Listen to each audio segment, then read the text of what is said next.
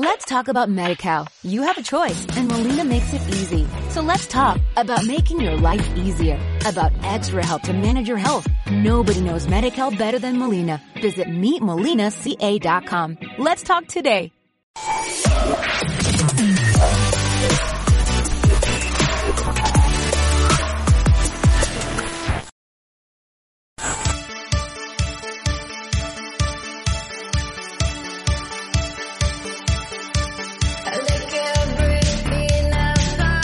Hola, amics i amigues, companys, companyes, i benvinguts a G8cast, el podcast de l'univers. Avui en una edició especial, final d'any, ja que hem volgut englobar les edicions de novembre i desembre juntes, ja que també, eh, bueno, eh, d'alguna manera, finals d'any, no? tothom està, doncs, bueno, a final del mes de desembre, tothom està amb els seus, eh, de vacancetes, de festetes de Nadal, i doncs hem pensat que seria més complicat doncs, doncs que va quedar tots plegats, no?, i poder gravar el podcast. Així que hem, hem pensat això, no?, fer una mica englobar el, els podcasts del mes de novembre que no l'havíem fet i teníem amb xitxa amb el podcast del mes de desembre que evidentment doncs ve força i força carregat. Una de les raons també ha estat el tema del famós GOTI, sí, aquell, eh, aquell premi que s'otorga cada mes de desembre, en teoria, el millor joc de l'any i que també en volíem parlar i fer les nostres votacions a nivell personal, personal i passional també. I això, hem decidit doncs, fer un podcast una mica més llarg eh, aquest cop i segurament doncs, també més complet per acabar de la millor manera l'any 2021. Més enllà de tot això, dir que l'actual edició ja és la número 6 i com sempre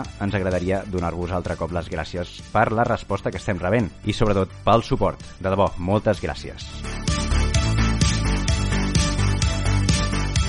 Dit tot això, comencem el programa d'avui presentant, com sempre, els components que tindrem a la taula, com són, per una banda, el senyor Machirito Armuy, el Carlos. Què tal, com estem, màquina? Hola, què tal, com estem? Que jovent aquí, què tal? A la meva esquerra trobem el Jordi, el rockstar, i l'ànima Ronin lliure de l'univers. Com estàs, tio? Sempre estic nerviós, tio. Sempre abans de despegar tinc un... Estic nervioset. Un cuquet o què? Tens un cuquet? Sí, sí, tinc... no sé, és això, tio. Serà la calor, serà... Jo què sé. La calor, però si fot un fred que pela, tio, a fora, què dius? Sí, tio, però els coets fot una calda que flipes, tio. Ah, correcte, sí, a dins de nau, doncs, doncs sempre, sempre fa ah, més caloreta, eh? Sempre... Quin lladre, tu. I davant meu tinc la DH al Xavi. Tot bé, màquina? Oh, oh, oh, molt bones, companys. Aquí estem, a, a punt de fer el programa de Nadal, tu. Perfecte, companys. I després de les, les salutacions, eh, va, Rockstar, què et sembla? Llença el que tindrem avui, fot-li.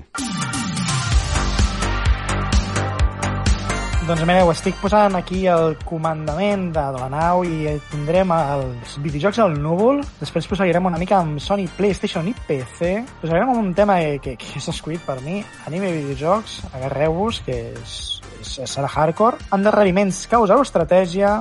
Finalment parlarem dels GOTY o el que ens ha semblat dels Game Awards. I si tenim temps i amb una mica d'ajuda, doncs parlarem el que hem jugat. Bé, gràcies Jordi, i ara sí, comencem parlant d'una de les alternatives més curioses que han anat sortint en aquests darrers anys a l'hora de jugar als videojocs, com són els anomenats núvols. Eh, ja ho sabeu, eh? aquestes plataformes gaming amb ofertes de videojocs i que el tret diferencial que tenen és que puguis jugar al que vulguis des de qualsevol dispositiu i això sí, eh, com sempre, connectat a internet. I per parlar d'aquesta opció a l'hora de jugar a videojocs tenim aquí el senyor Machirito. Eh, què ens volies comentar sobre això, Carlos? Digues. Doncs, bueno, parlant una miqueta del tema cloud, que està bastant de moda últimament, eh, sobretot en aquesta generació, eh, que hi ha molts serveis que ho inclouen, doncs volíem fer una, una repassadeta, no? una miqueta, primerament, a què és això del cloud, què, què ens ofereix i quins serveis tenim disponibles a dia d'avui.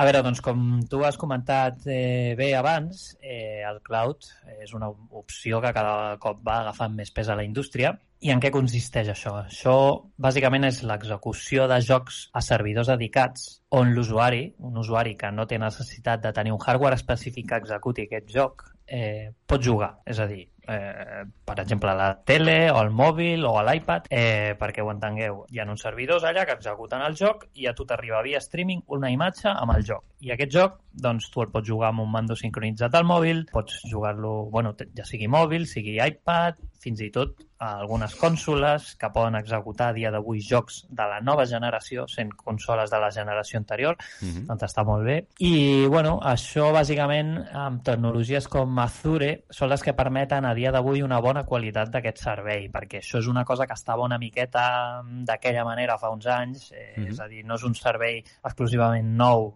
recent d'ara, és una tecnologia que existeix des de fa molt de temps, però com que les videoconsoles avui en dia han avançat molt, eh, costa molt igualar la qualitat que ens donen eh, aquestes, aquests trastos no, a dia d'avui. bueno, eh, jo per mm, diferenciar una mica he volgut llistar el, els avantatges i els desavantatges d'aquest de, servei. No? Faré una mica resum ràpid. Uh -huh. Bàsicament, com a avantatges principal, jo crec que és el més destacable, que és que no et cal un hardware específic. És a dir, tu no tens consola, no, no cal que et gastis 400-500 euros en una consola i amb la teva Smart TV o amb coses com les que tothom té, amb un mòbil o una tablet, doncs pots córrer els jocs sense necessitat de complicacions. Vale? Això és l'avantatge número 1. Vale? Switch, per exemple, és un altre exemple.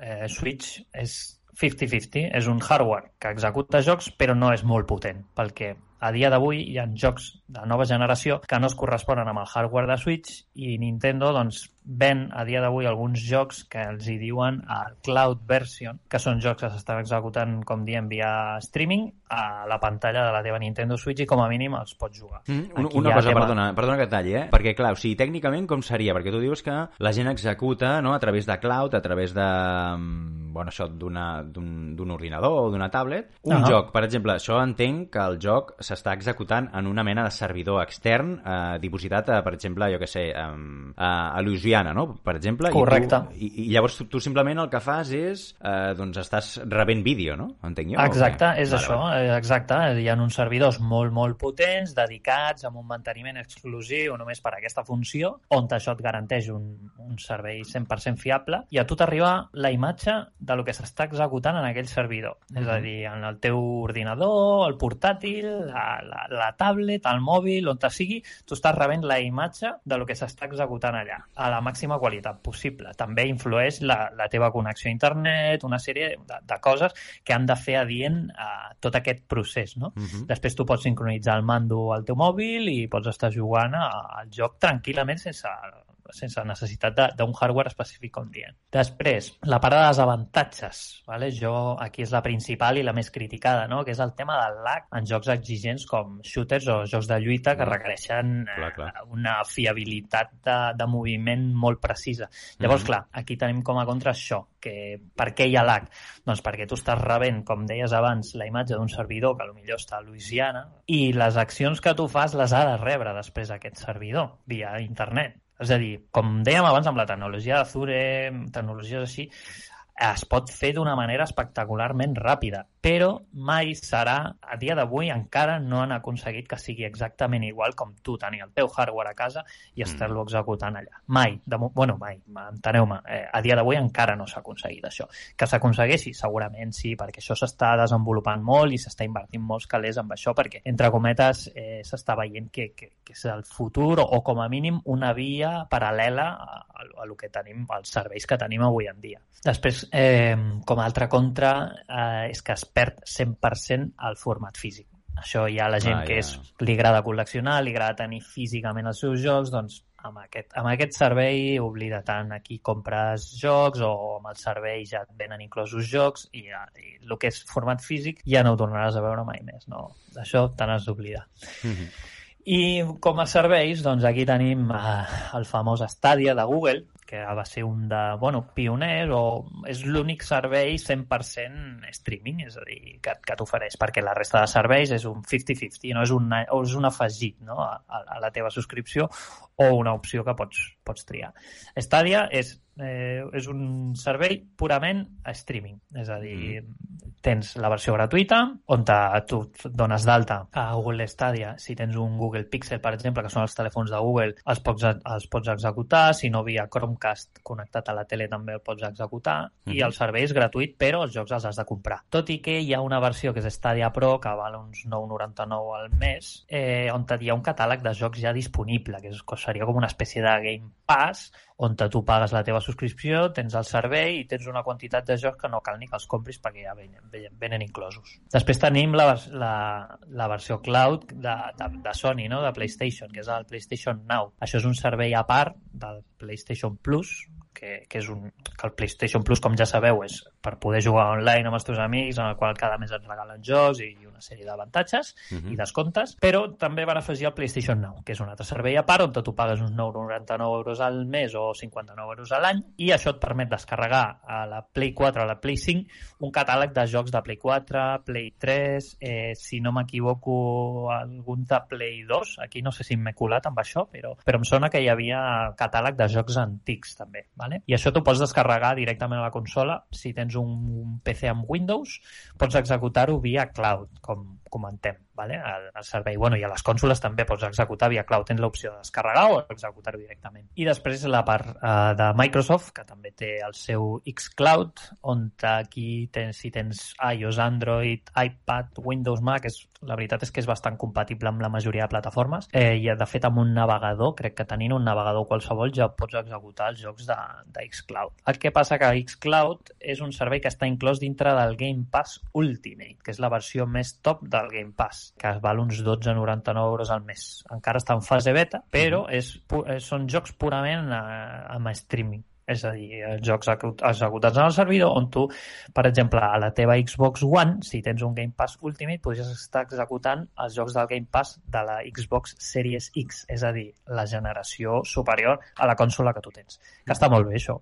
Mm -hmm. o directament en el mòbil continuar fent la partida que vas deixar la, la Xbox a, a, a, aquest matí, per exemple. Saps? I després, com a última opció, no sé si hi ha més, suposo que sí, però bueno, comentarem les més conegudes, són els jocs de Switch Cloud Version, que era el que deia abans. No és un servei específic de Nintendo, aquí Nintendo no hi té massa a veure, però hi ha una sèrie de jocs eh, com a un, algun Resident Evil o alguna versió que se li diu el Cloud Version, que és el que comentem. El el joc no s'executa amb el hardware de la Switch, s'executa amb uns servidors perquè per potència la Switch no dona i tu estàs rebent la imatge d'aquest joc i estàs jugant a la teva consola com si el joc estigués posat a, a, la, a la teva Nintendo. Aquí mm -hmm. has de comprar el joc a preu normal, com comento no hi ha cap servei específic i, i ja està, però tens aquesta opció. Perfecte. I això seré una mica els, els serveis que tenim. Perfecte. Eh, jo volia fer una pregunta, no sé si, bueno, després si voleu ho portem a taula, i és el tema de la fiabilitat barra estabilitat d'aquests eh, serveis. No sé si està a l'ordre del dia el tema que són fiables i tal, o de tant en quant van... És que no ho sé, per això pregunto, eh? no tinc ni idea. O Clar, de tant en quant com... van, vas tenint no? eh, petites eh, doncs, doncs problemes a l'hora de jugar. Eh? No sé. Exacte. Bueno, el tema és que són bastant sòlids eh, que els serveis a dia d'avui, per lo que comentàvem abans, eh? les mm -hmm. tecnologies ara permeten una fiabilitat molt potent, però aquí hem de tenir en compte que entren molts factors i és el factor de la connexió que té l'usuari també si vas per via wifi també hi ha, hi ha un hàndicap amb això, tens més, més eh, millor connexió via cable. Eh, bueno, aquí dependrà de la infraestructura que tingui l'usuari a casa seva. Si és més adient per executar-ho, tindrà una fiabilitat molt, molt, molt superior que un usuari que tingui, bueno, que vagi amb wifi, amb una DSL, que no tingui fibra, etc. Vale, perfecte. ADH, ens volies dir alguna cosa, no? Sí, jo, eh, respecte a això que diu de l'Xcloud, jo el vaig, el vaig provar, el vaig, eh, vaig agafar un d'aquests mesos que, que et cobren, no sé si és un euro o dos euros, uh -huh. i farà cosa de dos mesos, i, eh, i la veritat és que sí que té algun, encara té mancança, eh? o sigui, es veu que no... Sí, en, en quin sentit? En quin sentit? A mi m'anava molt lag molt lag. Ah, clar, bueno, sí, és una de les coses que ha comentat el, el, el Mashi. També. Exacte, vull dir que, que potser, ja et dic, eh, és, és tema de, de, de molts factors, no? O sigui, has d'estar pues, amb cable, tindre una bona connexió i suposo que el servei és algo que estan millorant i, no sé, potser d'aquí un any o dos anys pues, ja, és, ja és del tot estable, no? Però jo ara mateix em va semblar algo que com, a, com, com algo de futur, de moment, bueno, com algo de futur sí, però com algo de present no, no acabo de veure, no? Mm. I després eh, ha dit això de, de, de, del Play, eh, PlayStation Now, que sí, efectivament té, té jocs de PlayStation 2 també. I després una, una pregunta que volia deixar, eh, que us, bueno, us volia comentar, no? No creieu que jugar d'aquestes maneres no trenca la visió del creador? Del creador, del desenvolupador del videojoc, vols dir? Exacte. En quin sentit o sigui, a mi, ho dius? Per què, en quin què? sentit? A mi, quan, quan et diuen no, aquesta, ara el famós Game Pass, no? que oh, pots jugar-lo a qualsevol dispositiu, ostres, a mi em, em, em fa mal als ulls veure a la, la, la gent que està allà a l'anunci o el que sigui jugant pues, el Psychonauts o qualsevol, o el Forza, no? el veus allà amb la tableta, el mòbil... Ostres, creieu que això no, Com és, no es tu- trenca la visió del que fa el joc? Tu, Que tu, veure, veure com, és, com algú està jugant amb un dispositiu de, de 4 polzades tu vols dir que com si es desvaloritzés no? el, el videojoc, en aquest sentit? Clar, és a dir, Perquè no és- tots els jocs estan pensats per això. Jo que algú estigui jugant a un Fortnite a qualsevol dispositiu, perfecte, no? Vale, Però segons el tipus de joc un- et refereixes tu. Vale, ja t'entenc, Xavi. Bé, bé, bona reflexió. Jo crec, jo crec que hi ha un problema que és bastant important, i és que si tu jugues a un Fortnite et pots fer a qualsevol banda, però quan parlem d'un joc que ha de ser una experiència immersiva, no? Exacte. quan la pantalla és millor. El, el minorar aquestes pantalles jo crec que es perd part d'aquesta immersió i d'aquest missatge que vol transmetre el desenvolupador, com dius tu. Mm -hmm. És interessant, és interessant aquesta, aquesta reflexió. No me l'havia fet, eh, no me l'havia fet pas. Eh, Maxi, digue'ms, què, què, què vols dir? Sí, bàsicament, bueno, estic molt d'acord amb el que dieu. Eh? Al final hi ha una experiència immersiva que evidentment no es pot comparar amb estar amb els teus cascos, el teu àudio 3D, la teva tele 4K i això és, és així, eh? Després ho compares amb un mòbil o qualsevol cosa per, per molt xulo que tu vulguis pintar-ho, que sigui amb mando amb el Bluetooth i tal, bueno, penso que no té ni punt de comparació. Però també crec que pel, pels desenvolupadors realment és molt més fàcil. És a dir, sí, entenc que aquesta visió, i això que dieu, i, és, i tota la raó, però clar, penseu que els desenvolupadors, si aquests jocs s'executen amb un servidor que té una potència específica i no s'han de trencar el cap amb, hòstia, si Ah. fem el port a la versió no sé què, o si fem el no? port no sé quantos, hòstia, però la versió de Switch ara tal... Vale. Tu pensa que tens un server allà super pepino, amb lo màxim de tot, i, i aquest joc dona el 100% de lo que pot donar, i t'està arribant a tu. Em refereixo que en aquesta part sí que hi ha... Hòstia, jo penso que pels desenvolupadors això és la bomba, però clar, aquí és el que diem, mai serà el mateix jugar des d'un mòbil allà tal que, que, la, que com has de jugar o l'experiència amb la que jugaries amb una Play o amb una Xbox.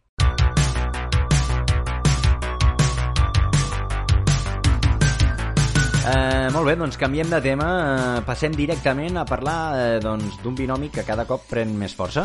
Estem parlant de Sony PlayStation i PC i per analitzar i comentar una miqueta cap on va o es dirigeix la marca japonesa en aquest aspecte, tenim el, Xa el Xavi, el nostre company, l'ADH, que ens en farà 5 cèntims. Xavi, com ho veus això? Et sembla interessant tot plegat o ets més aviat pessimista? Eh? Que ja sabem de quin veu calces, lladre. No, bé, no, bé, pessimista no, no. Al final són, són moviments que poden ser, poden ser interessants, no? Eh, com sabreu, alguns, alguns mesos eh, Sony va, va portar eh, van aportant algunes de les seves IPs a, a PC, no? Eh, això no, no aixecava molt rebombori fins que va saltar fa unes setmanes doncs, eh, la notícia, no? majúscules, no? que no és altra que el fantasma d'Esparta feia el salt a PC al gener, al gener del 22. El fantasma d'Esparta, dius? Eh, Kratos, tio. Ah, hòstia, tio, m'havies deixat en fora de joc. Vale, digues, digues, perdona, que t'he tallat, digues, digues.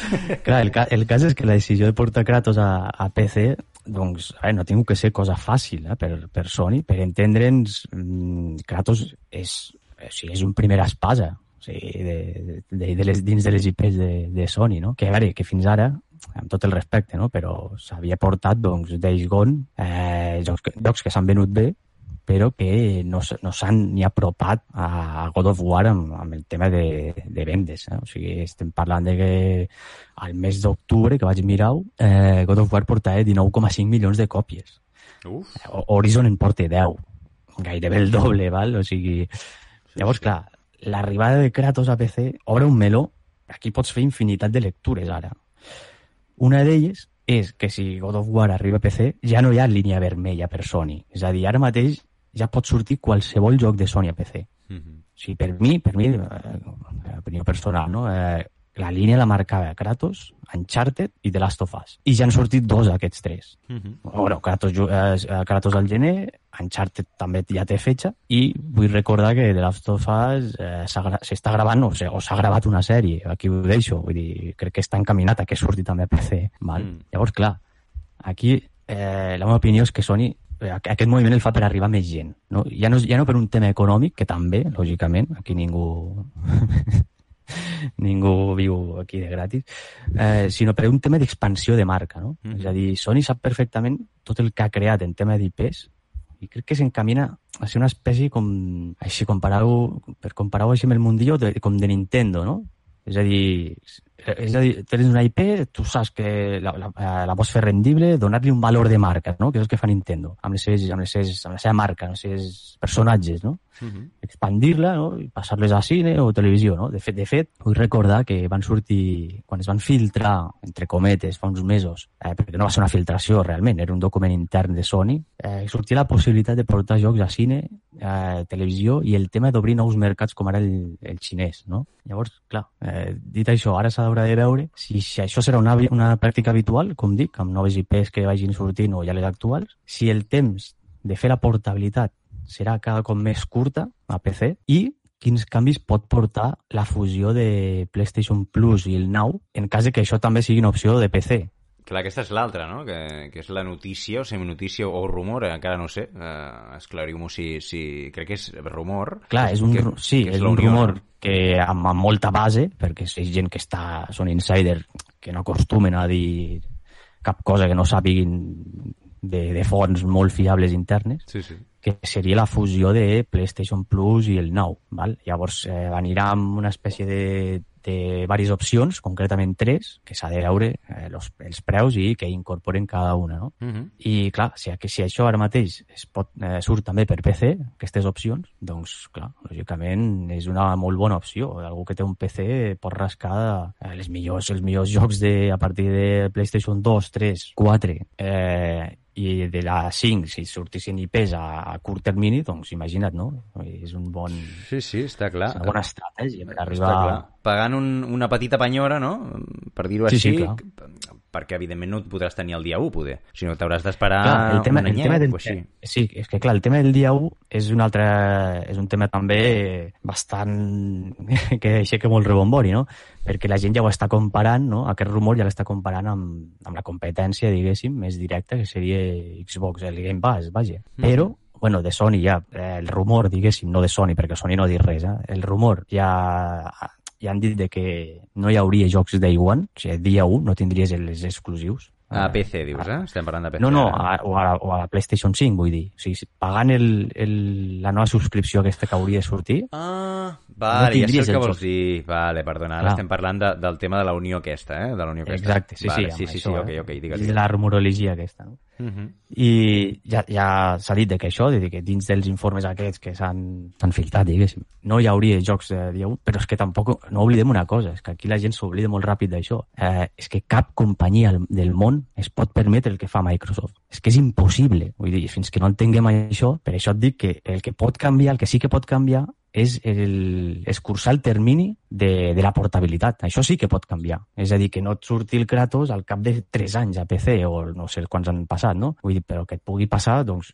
un any, 6 Sis mesos. anys, no? Han passat? Sis anys. Clar, és que crec que va sortir 2018 o no, si no ah, no, m'equivoco. sis anys, però què 2018. dic? No, no, quatre, quatre, farà quatre. Sí, sí, Sí, pensava que era el 2018. 2015, disculpa. Mm. Doncs això sí que podria canviar. Ara, oblidem-nos de dia 1, perquè és que això és impossible. Saps? A més a més No que dia 1 també serveix d'alguna manera per revaloritzar el teu hardware, no? I fer-lo més... donar-li aquella importància que poder, doncs... Clar, és que són altres models, clar, és que est- estem Mm. parlant de coses molt diferents, o sigui...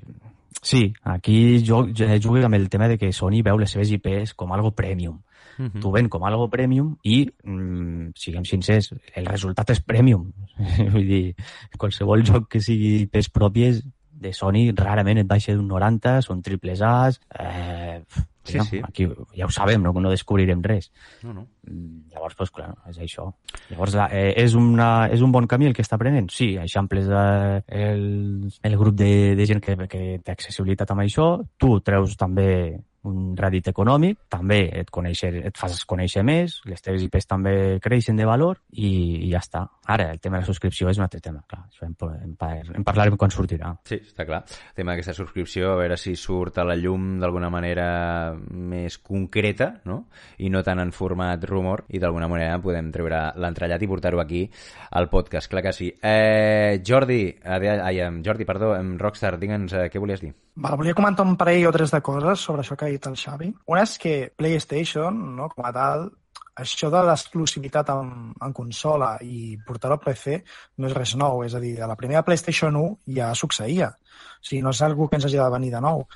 Um, I com ara, jo crec que és un tema de, de liquidesa, no? És a dir, quan han venut lo suficient o el que pensen que poden vendre a gran marge, doncs és quan aleshores ho porten a PC i treuen pues, una altra marge, no? El tema aquest que deia del Project Spartacus, no? que és com se li ha anomenat aquesta espècie d'Ultimate que han fet com a, amb Xbox, no? jo crec que el problema radica en això del Day One. És a dir, el Game Pass, uh, sent sincers, per lo que és interessant, en teoria, o penso jo, almenys personalment, és que tenim els jocs exclusius de la consola Day One, no? Ja? I clar, és veritat que sí que estan allà, però hi ha molta muralla també. Aleshores, PlayStation, que no s'ho pugui permetre, al final hi haurà més, bueno, més jocs més morralleros, o potser tiraran una mica més de nostàlgia, perquè també s'ha comentat no? que volien posar coses de PlayStation 2, PlayStation 1, no ho sé. Potser podrien implementar alguna cosa del tema de, de trofeus, no?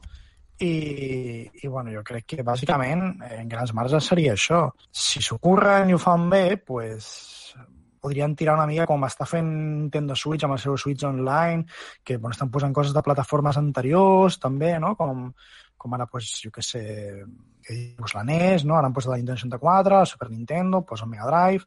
Doncs si tiressin coses de PlayStation 1 suficientment interessants a PlayStation 2 i fins i tot PlayStation 3 seria pues, uh, un cop d'efecte bastant important. Uh -huh. uh, Machirito, digue'm.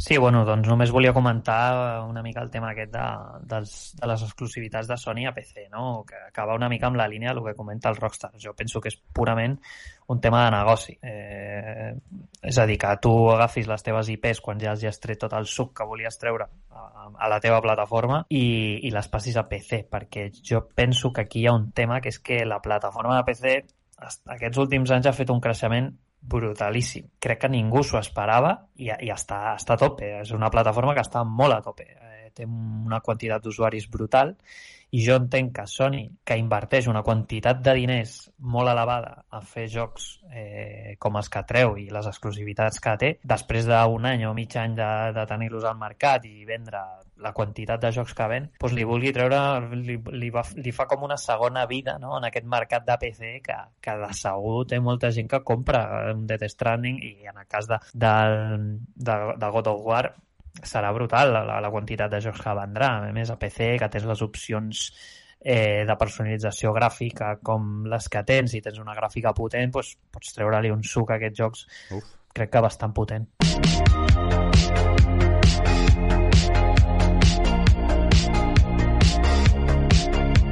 Passarem directament a un dels temes que hem anat eh, d'alguna manera aparcant eh, més a més i és que, clar, a vegades eh, sabeu no? que, que el nostre podcast és bastant atemporal, per dir-ho d'alguna manera, però la, la veritat és que el, el, el, com es diu, el dia a dia mana, no? Eh, el que és l'actualitat mana.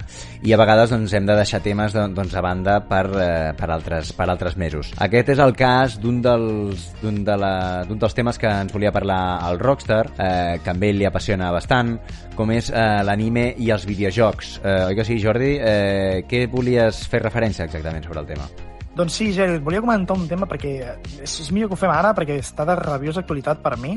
De fet, em sento molt contrariat amb aquest tema perquè tinc profuns sentiments que m'agraden, perquè sóc una persona que em considero pues, no taco, m'agrada molt l'anime i m'agrada molt la cultura japonesa, però la veritat és que en els últims darrers anys aquests videojocs han anat molt, molt a baixa i és una cosa bastant, bastant lamentable, no? Um, si haguéssim de parlar dels primers moments en els quals eh, van existir els videojocs amb llicències d'anime, ens hauríem de tirar cap a la NES, no? Suposo que va ser la primera plataforma que, va, que en va tenir. I tiraríem, doncs, de Captain Subasa, Senseiya, Bola de Drac, no? I eren jocs bastant justets, bastant primitius, no? I que a posteriori van anar evolucionant, no? Si haguéssim d'agafar embranzida i dir que el seu culmin no, va ser possiblement a l'època de PlayStation 2, no? en el qual es van crear sinergies fins i tot amb coses com Hack, amb, amb els propis mangas i coses, per exemple, doncs, com el Shonen Jam de la Nintendo DS, que va partir la pana i es van, bueno, es va piratejar les consoles per aconseguir que poguessin ser region free, jugar al, al joc, doncs jo crec que va ser el moment més àlgid, no? Una gran llicència, molta producció, títols de bon valor, la veritat, però la veritat és que últimament bueno, ha sigut catastròfic. Um, no sé si teniu en ment, fa poc va tancar el, el servidor del Shonen Jump Force aquest, eh, és un joc que és horrorós, eh, semblen gent amb caretes que estiguin lluitant, i la veritat és que, a més, et fas el teu avatar i el teu avatar és, és catastròfic, agafes roba de diversos personatges de Shonen Jump, de One Piece, de Bola de Drac, però sempre seguint el mateix estil. I, i bueno, jo he tingut la gran sort de poder-ne anar agafant coses de Bandai Namco i anar-la jugant. Um, avui, precisament, avui, he acabat el Tokyo Ghoul, eh, que Tokyo Ghoul és aquest anime barra manga que va ser molt famós, ja farà qüestió de... M'atreviria a dir que va acabar l'anime fa dos anys i potser el manga fa tres anys, ara mateix no, no us ho sabria dir ben bé dir, però ho va patar molt, no? I vaig dir, bueno, pues em faig amb el joc, em mola molt l'anime, em mola molt el manga, pues aprofitem-ho, no? I la veritat és que és catastròfic. Eh, gràficament sembla un joc de PlayStation 2, té unes físiques bastant absurdes, és a dir, no saps en quin moment estàs donant cops, en quin moment pots atacar i no pots atacar. bueno, hi ha un moment que veus que els trofeus, els propis assoliments, tenen el mateix pictograma, dius, aquí hi ha alguna cosa que no funciona bé. O sigui, em sembla lamentable. I, i bueno, i coses, pues, esfereïdores que, com per exemple, que estàs parlant d'un videojoc que és anime i no té una intro, no té una animació, no té res, sinó que et foten retalls de la pròpia sèrie d'animació i text a sota, com si fos una visual novel, i així s'estalvien tot tipus d'animació. Mm. Bueno, a mi em sembla eh, que per una cosa que vol traspassar una frontera, doncs no és l'adequat. No? Um, també vull fer esmena que això portem molts anys veient-ho, que tant videojocs com d'anime que es basen sobretot en figures com, per, ser, per exemple, Rurouni Kenshin o, o sobretot molt Bola de Drac, que ho han fet 20.000 vegades, o Senseiya, per exemple, no? doncs tenim sempre que agafen la mateixa història, la història original, i la segueixen donant pel sac hasta los fines de los días i amén. Um, em com sembla una mica... Sí, sí, sí, sí, sí, sí. Tornes a viure la història, no? I tornes amb el mateix de sempre. El Kakarot ens van enganyar hàbilment perquè ens van dir que expandia una mica més la història, per exemple, de la Setze o del Songwan o de la, de la vila aquella que estava a la, la cinta vermella on estava el Frankenstein, no? I al final eh, la veritat és que és una missió secundària bastant torpe i que no aporta res a la trama eh, al contrari, no? És més perdre el temps i si vols treure-t'ho tot, pues, ho has de fer i ja està. I, bueno, què més dir-vos, no? Pues que per finalitzar també he jugat possiblement l'últim joc que ha sortit d'anime aquí a, a Occident, que és el, el, el, el Kimetsu no Yaiba, Los Guardianes de la Noche, és un joc que està fet per CyberConnect, que és aquests que fan Narutos, i la veritat és que copia l'estil de Naruto, el copia totalment. I tot i que els modelatges i les animacions i la banda sonora i tal està molt bé, doncs tenim el mateix problema que amb els jocs de Bandai Namco, és a dir, imatges soltes en el qual pues, t'expliquen un text i t'expliquen el que passa, els fondos no l'acabo d'entendre perquè si podríem fer alguna més uh, com dir-ho, uh, com seria, el, per exemple, el, el Dragon Ball Fighters, i no, no t'ho foten així, no t'ho foten en cel shading, sinó que t'ho foten en, en 3D i fan fals 3D amb, amb 2D amb els modelatges i queda una mica estrany. Ostres, Rockstar, doncs d'alguna manera has vingut aquí a, a ser molt pessimisme, molt pessimista. Quina seria la teva crida des d'aquí? Perquè que s'espavilessin una mica, no? Home, la meva crida seria deixar un missatge a l'espai que es repetís per tota la guerra, tio, però serà que no. I, hòstia, tio, estaria guai que fessin videojocs, videojocs amb històries alternatives, que alguns n'hi ha, eh? Per exemple, sense anar més lluny, hi ha el joc de Black Clover, que és una còpia del Dissidia, malament feta, però és una còpia del Dissidia, i la història és una espècie de spin-off, dir-li, de la saga, i està bastant bé, i això jo crec que és un bon camí a tirar, però malauradament eh, no és així. Jo crec que potser a vegades menges més, i estaria bé que fessin menys títols, millor qualitat i unes idees més ben pensades. És a dir, Bandai Namco, si vol, pot fer les coses bé, eh, ve a ser Tales of Arise, eh, o per exemple, pues, quan deixen treballs, no? com els Dragon Ball Fighters, a Arc System Works, i, i no, no ho estan fent, no ho estan fent. És una llàstima. Jo crec que van amb CyberConnect, per exemple, amb els Naruto, tenen el seu propi estil, però d'allà no surten i estan encasillats i la veritat és que es veu una mica, podríem dir-ho fins i tot índia a vegades. Eh? Pel que he pogut copsar sobre el teu discurs és que li falta com, com l'amor no? per, per, per l'anime en concret, no? Què, què en penses d'això, no? O, o sigui, polir-lo Sí. bé, dedicar-li un cert temps, no? com dius tu, el tema de, de eh, poder treure, ho acabes de dir, treure'n menys, però el que treuen, fer-lo bé, no? Sí. De fet, no sé si teniu en ment, per exemple, Dragon Ball Fighter, és que jo crec que és l'exemple més flagrant, sí, no? sí, sí. Um, copiaven directament escenes tant de l'anime Sí, com del manga.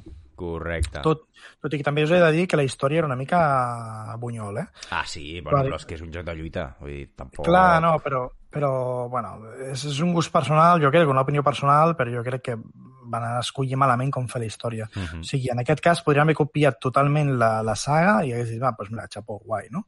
Però no, van intentar idear una cosa nova, van aportar algunes coses que estaven bé, de fet, no sé si ho sabeu, però és un error una mica. Fan com tres històries, tres arcs argumentals. Una que és l'arc argumental segons els Science, una que és l'arc argumental segons els androides i una altra és l'arc argumental segons els villans. No? Eh, com si fossin històries totalment independents i que no tinguessin res a veure i com si acabessin a la seva manera, no? com what ifs. I, i bueno, hi ha coses bones d'allà i coses dolentes, i una de les coses dolentes és que agafa el personatge que tu portes com si et posessis en la pell de Son Goku, i aleshores és com que ets un mindundis i no saps fer res. Bueno, Això és veritat, això és veritat. per bona, per bona, és que agafen i foten... Eh, augmenten la història, aquest cop sí, de l'A16 i aquest cop tenim un nou androide que és l'A21 i que no Ah, és faré veritat. spoilers, però, És però està veritat. bastant curiós. Dintre de Gap està bastant bé. I a part el, el dibuix està guapo també, eh? El disseny Sí, del, del sí, personatge sí. mola, és veritat. No, és no, no, veritat. és molt, és molt Toriyama, molt, molt bé.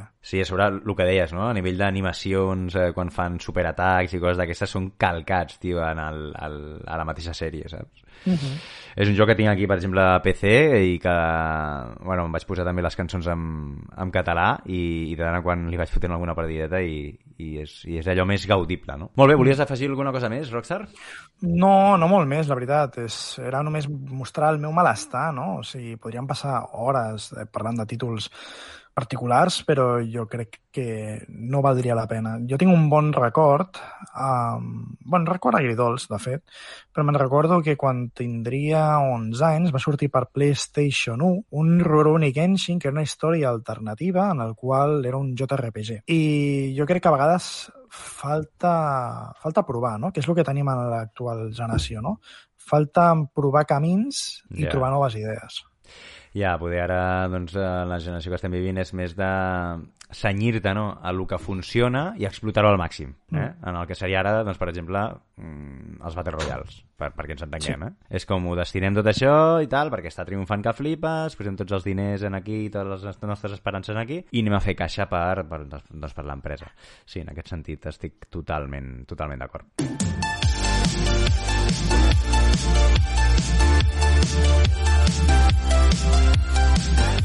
D'acord, perfecte. Ara m'agradaria treure un tema delicat on segurament hi ha moltes de les coses que se m'escapen eh, per desconeixement, però que d'alguna manera m'atreveixo a portar a taula eh, i parlar-ne aquí amb els companys de, de l'univers, com és el tema dels endarreriments dels llançaments de videojocs. Com ja sabeu, cada cop és més freqüent aquests tipus de fets a l'hora de poder gaudir d'un títol i que, sobretot, eh, de la pandèmia fins ara, podríem estar d'acord tots i totes en que el tema ha anat a pitjor.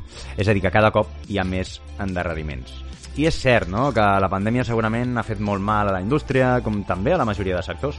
Però també cal dir que abans de la Covid eh, ja es produïen aquests fets. El que passa és que ara doncs, estan a l'ordre del dia, bàsicament. Eh, I el que he arribat a plantejar-me jo és que poder les grans marques, companyies, estudis, que ho fan, això mateix, eh, poder ho han acabat adoptant com a una forma, un format de màrqueting. És a dir, crear hype per una data en un concret, posar a la disposició de l'usuari o un jugador eh, un pre-order eh, i un mes abans, quan tot eh, semblava que estava a punt de sortir, doncs anunciar que s'endarre- s'endarrereix un parell de mesos. I per tant, què passa? Doncs més temps per generar més hype, més pre-orders i, per tant, sobre el paper, més benefici per a sortida.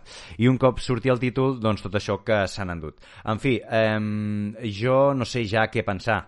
Eh, perquè hi han casos que oloren una miqueta. No sé què en penseu vosaltres. Jo crec que uf, estan jugant amb una mica amb, amb el que és el hype de la gent, eh, com encaixen aquest eh, tipus d'estratègia de, en cas de que ho sigui, no dic que ho sigui realment, simplement que ho he arribat a pensar, i que, bueno, d'alguna manera jo crec que se n'aprofiten d'això, no? Perquè al cap i al fi, el, si tens moltes ganes de comprar un títol, l'acabaràs comprant, no? Per exemple, si tinc moltes ganes, per exemple, de comprar-me el Daily Light 2 eh, i ja s'ha endarrerit dos cops, m'ha tocat els pebrots? Una mica, tampoc en excés però és que sé que l'acabaré comprant. Però molta gent, segurament, que té més ganes que jo de jugar-lo i per tant ha, ha comprat el pre-order. I també l'acabarà comprant. D'aquesta manera, doncs no sé, no sé com ho veieu això. Eh, què, què, què n'opineu? Jo, per exemple, penso que en aquest sentit que hi ha també l'altra la, barrera, no? És a dir, que el fet que tu estiguis esperant, hi hagi un endarreriment, que hi hagi un altre endarreriment, al final el que et causa també és una mica de, de dir, bueno, doncs, doncs ja està, ja l'anulo, no? I ja mm. serà el que Déu vulgui i a veure què, què, què et diuen, no? Sí, clar, l'altra vessant és aquesta, no? L'altra vessant és de dir, vale, doncs jo cancelo, a prendre pel sac, a mi no me la tornen a clavar per tot arreu i, i estic cansat ja d'aquest color. Però molta gent eh, no és així, no? Eh, no sé, eh, si no... Si no no sé, si, si no, no crec que, que, que perquè quin, quin, quina, necessitat hi ha, quina necessitat hi ha des del punt de vista eh, estratègic o, o de marca anunciar molt abans un joc que saps que segurament no el, no el puguis, no puguis complir aquesta data. Doncs, hosti, jo crec Uh, sí, vale, per les pressions i tot això. Hòstia, però realment eh, fa falta, per exemple, eh, un, m'ho invento, cal un any abans anunciar la data d'un joc o vuit mesos abans anunciar la data d'un joc quan al final saps que allò no serà així. No sé, no sé quin mal fa o quin mal deixa de fer, més enllà de, de lo que poden guanyar poder a nivell de pre-orders, no? no però sé. perquè aquí Perdó, eh, perquè aquí eh, fiquen la mà als publishers, tio. Què vols és dir? dir? Que, ara m'explico, és a dir, van de la mà. És a dir, quan un joc es retrasa, per mi no és perquè l'equip de desenvolupament no sap la feina que hi ha. Sí que ho saben, el que passa és que crec simplement que és el publisher qui posa les dates sobre la taula, perquè han de complir amb els trimestres i presentar els beneficis. Vull dir, el publisher és el que ha pagat un tant per cent altíssim perquè es faci el joc. -huh. I si poden fotre mà perquè tingui micropagos, ho faran. Si poden fer fotre mà perquè tingui DLCs de pagament, ho faran.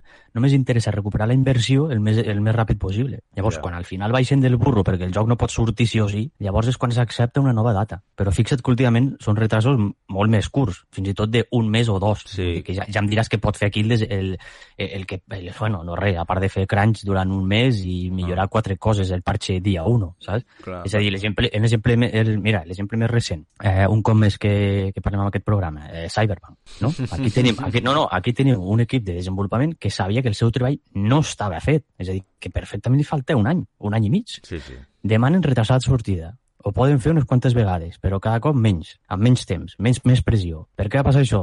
Doncs perquè darrere hi ha els publishers que són directius de CD Projekt, directius de Bandai i directius de la Warner. Vull dir, aquesta gent han ficat allà un munt de diners i diuen, no, no, això, dia tal, i punto que aquí t'he deixat aquí uns diners que, que m'has de tornar. I després és quan entra la mercadotècnica. La mercadotècnica és la que s'encarregarà de, de que pues que això, van ficar que si la web de retornar jocs, rebaixar el preu, vídeos de disculpa, eh, full de ruta perquè la gent vegi que sí que s'està fent alguna cosa, és a dir, netejar el desastre. Però, sí, sí, és que tot això està a l'ordre del dia, tot el que s'està anomenant. Però al sí, final, sí. els retrasos i les, les dates que es fiquen d'inici són, són els, són els que fiquen els diners, els publishers, no el desenvolupador. El pobre, pues mira, mm. què més li agradaria de treure el disco i que no hi hagués ni un error i que hagués passat tots els, els testos i possibles, saps? Però...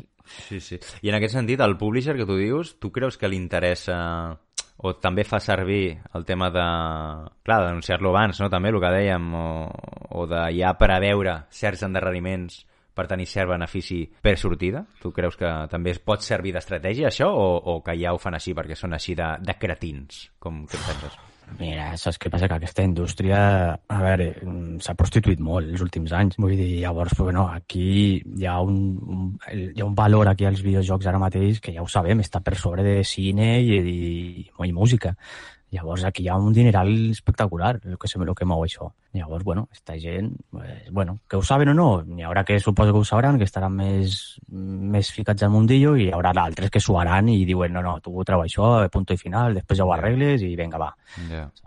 No bueno, sé. el que, el, no? Jo crec que una mica agafant el fil de que, del que hem dit abans amb el tema de, de l'anime i els videojocs, el que sembla que estigui faltant en aquests darrers anys, sobretot eh, dècada, per dir-ho d'alguna manera, és una mica demostrar l'amor cap a aquest sector, no? Des dels Exacte. desenvolupadors, des dels publishers, des de la gent que posa pasta des de dalt, però que al cap i a la fi també em podeu dir, hòstia, no, és que són empreses i, i a les empreses estan dirigides doncs, per executius i tal, i el que volen, evidentment, és que l'empresa tiri endavant i tingui un cert benefici fixe i, i, i, i, i sigui sostenible, no?, econòmicament parlant. Eh, però, bueno, eh, digue'ns, eh, Maxi, què volies dir? Bueno, una mica comentàvem la línia no, que, esteu, que esteu parlant. Eh, al final això, tot el que mou calés és, és un puterio màxim. Eh, això al cinema ja passava. Eh, que t'anunciaven una sí. pel·li dos anys abans i fot molt de temps ja que ho feien. El que passa que el cinema no té aquest seguiment que tenen els videojocs a, di a, dia- a dia d'avui. Sí que té una repercussió mediàtica perquè hi ha molta crítica en el cinema i molta, bueno, toquen moltes eh, sagues i moltes coses que la gent pues, li, eh, són temes personals, no?, la gent, eh, com, com a fans, i hi ha molta... Bueno, penso que és el sector més que pot estar més relacionat o es pot comparar més amb el dels videojocs. I, i, els, i clar, aquí l'afegit és que la- els videojocs encara ja es mouen més calés.